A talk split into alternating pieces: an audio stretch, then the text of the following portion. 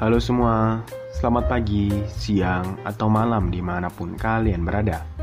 Di sini Dava Marcel yang akan membawakan materi dampak negatif internet. Sebelum masuk ke materi, izinkan saya untuk berterima kasih kepada sponsor kami yaitu Tuhan Yang Maha Esa, dosen kami Ibu Mifta Pratiwi, serta pihak-pihak lain yang sudah membantu saya mengerjakan tugas ini. Tanpa mereka, saya tidak dapat menyelesaikan tugas ini dengan baik. Oke, sekarang kita akan masuk ke dalam materi. Internet. Internet itu apa sih? Jadi, internet merupakan jaringan komunikasi yang berfungsi menghubungkan suatu media elektronik dengan media elektronik lainnya dengan cara cepat dan tepat.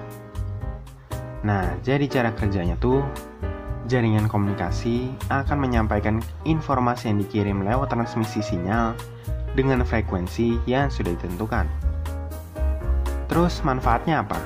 Nah, manfaat internet antara lain adalah untuk berkomunikasi, akses informasi dan pengetahuan, hiburan, dan masih banyak lagi.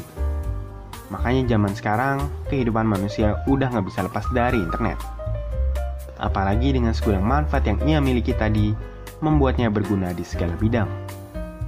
Namun, seiring dengan segudang manfaat yang ia miliki tadi, internet juga membawa dampak negatifnya tersendiri.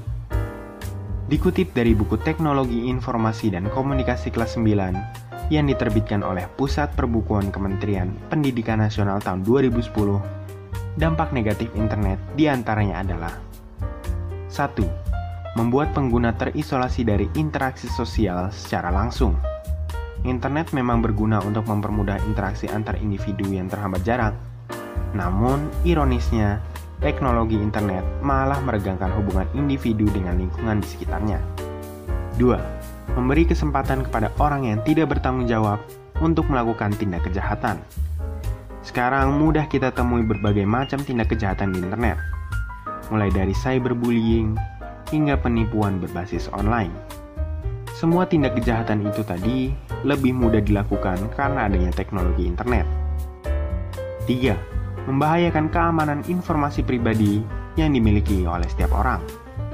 Seperti yang sudah saya sebut tadi, kejahatan makin mudah dilakukan karena adanya internet. Salah satu tindakannya ialah pembocoran informasi pribadi seseorang. 4 memudahkan seseorang untuk menyalin hasil karya orang lain.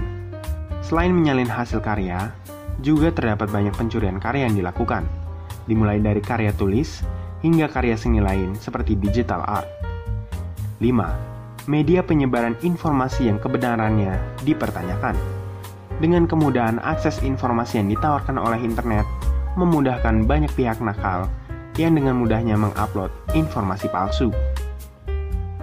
Terus, gimana caranya agar terhindar dari dampak negatif internet? Caranya gampang. Pertama, pelajari sisi baik dan sisi buruk dari internet.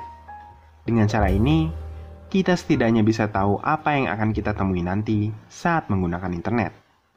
Kedua, bijak dalam menjelajah internet. Dengan cara menyaring mana konten yang pantas untuk kita konsumsi saat menggunakan internet. 3. Jangan membagikan informasi kepada pihak yang tidak bertanggung jawab, apalagi informasi pribadi. Nah, terakhir, coba atur waktu dalam penggunaan internet. Jika kalian mulai terasa pusing atau sakit mata ketika menjelajah internet, ada baiknya untuk beristirahat sejenak.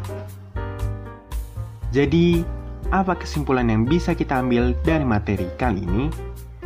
Nah, kesimpulannya adalah Walaupun internet bisa merubah dunia dan kehidupan kita, pasti tetap bakal ada efek sampingnya. Nah, oleh karena itu, kita harus pintar dalam menyikapi fenomena internet ini.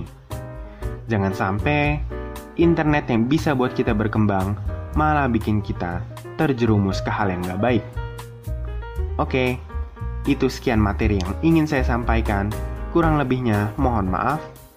Terima kasih dan sampai jumpa.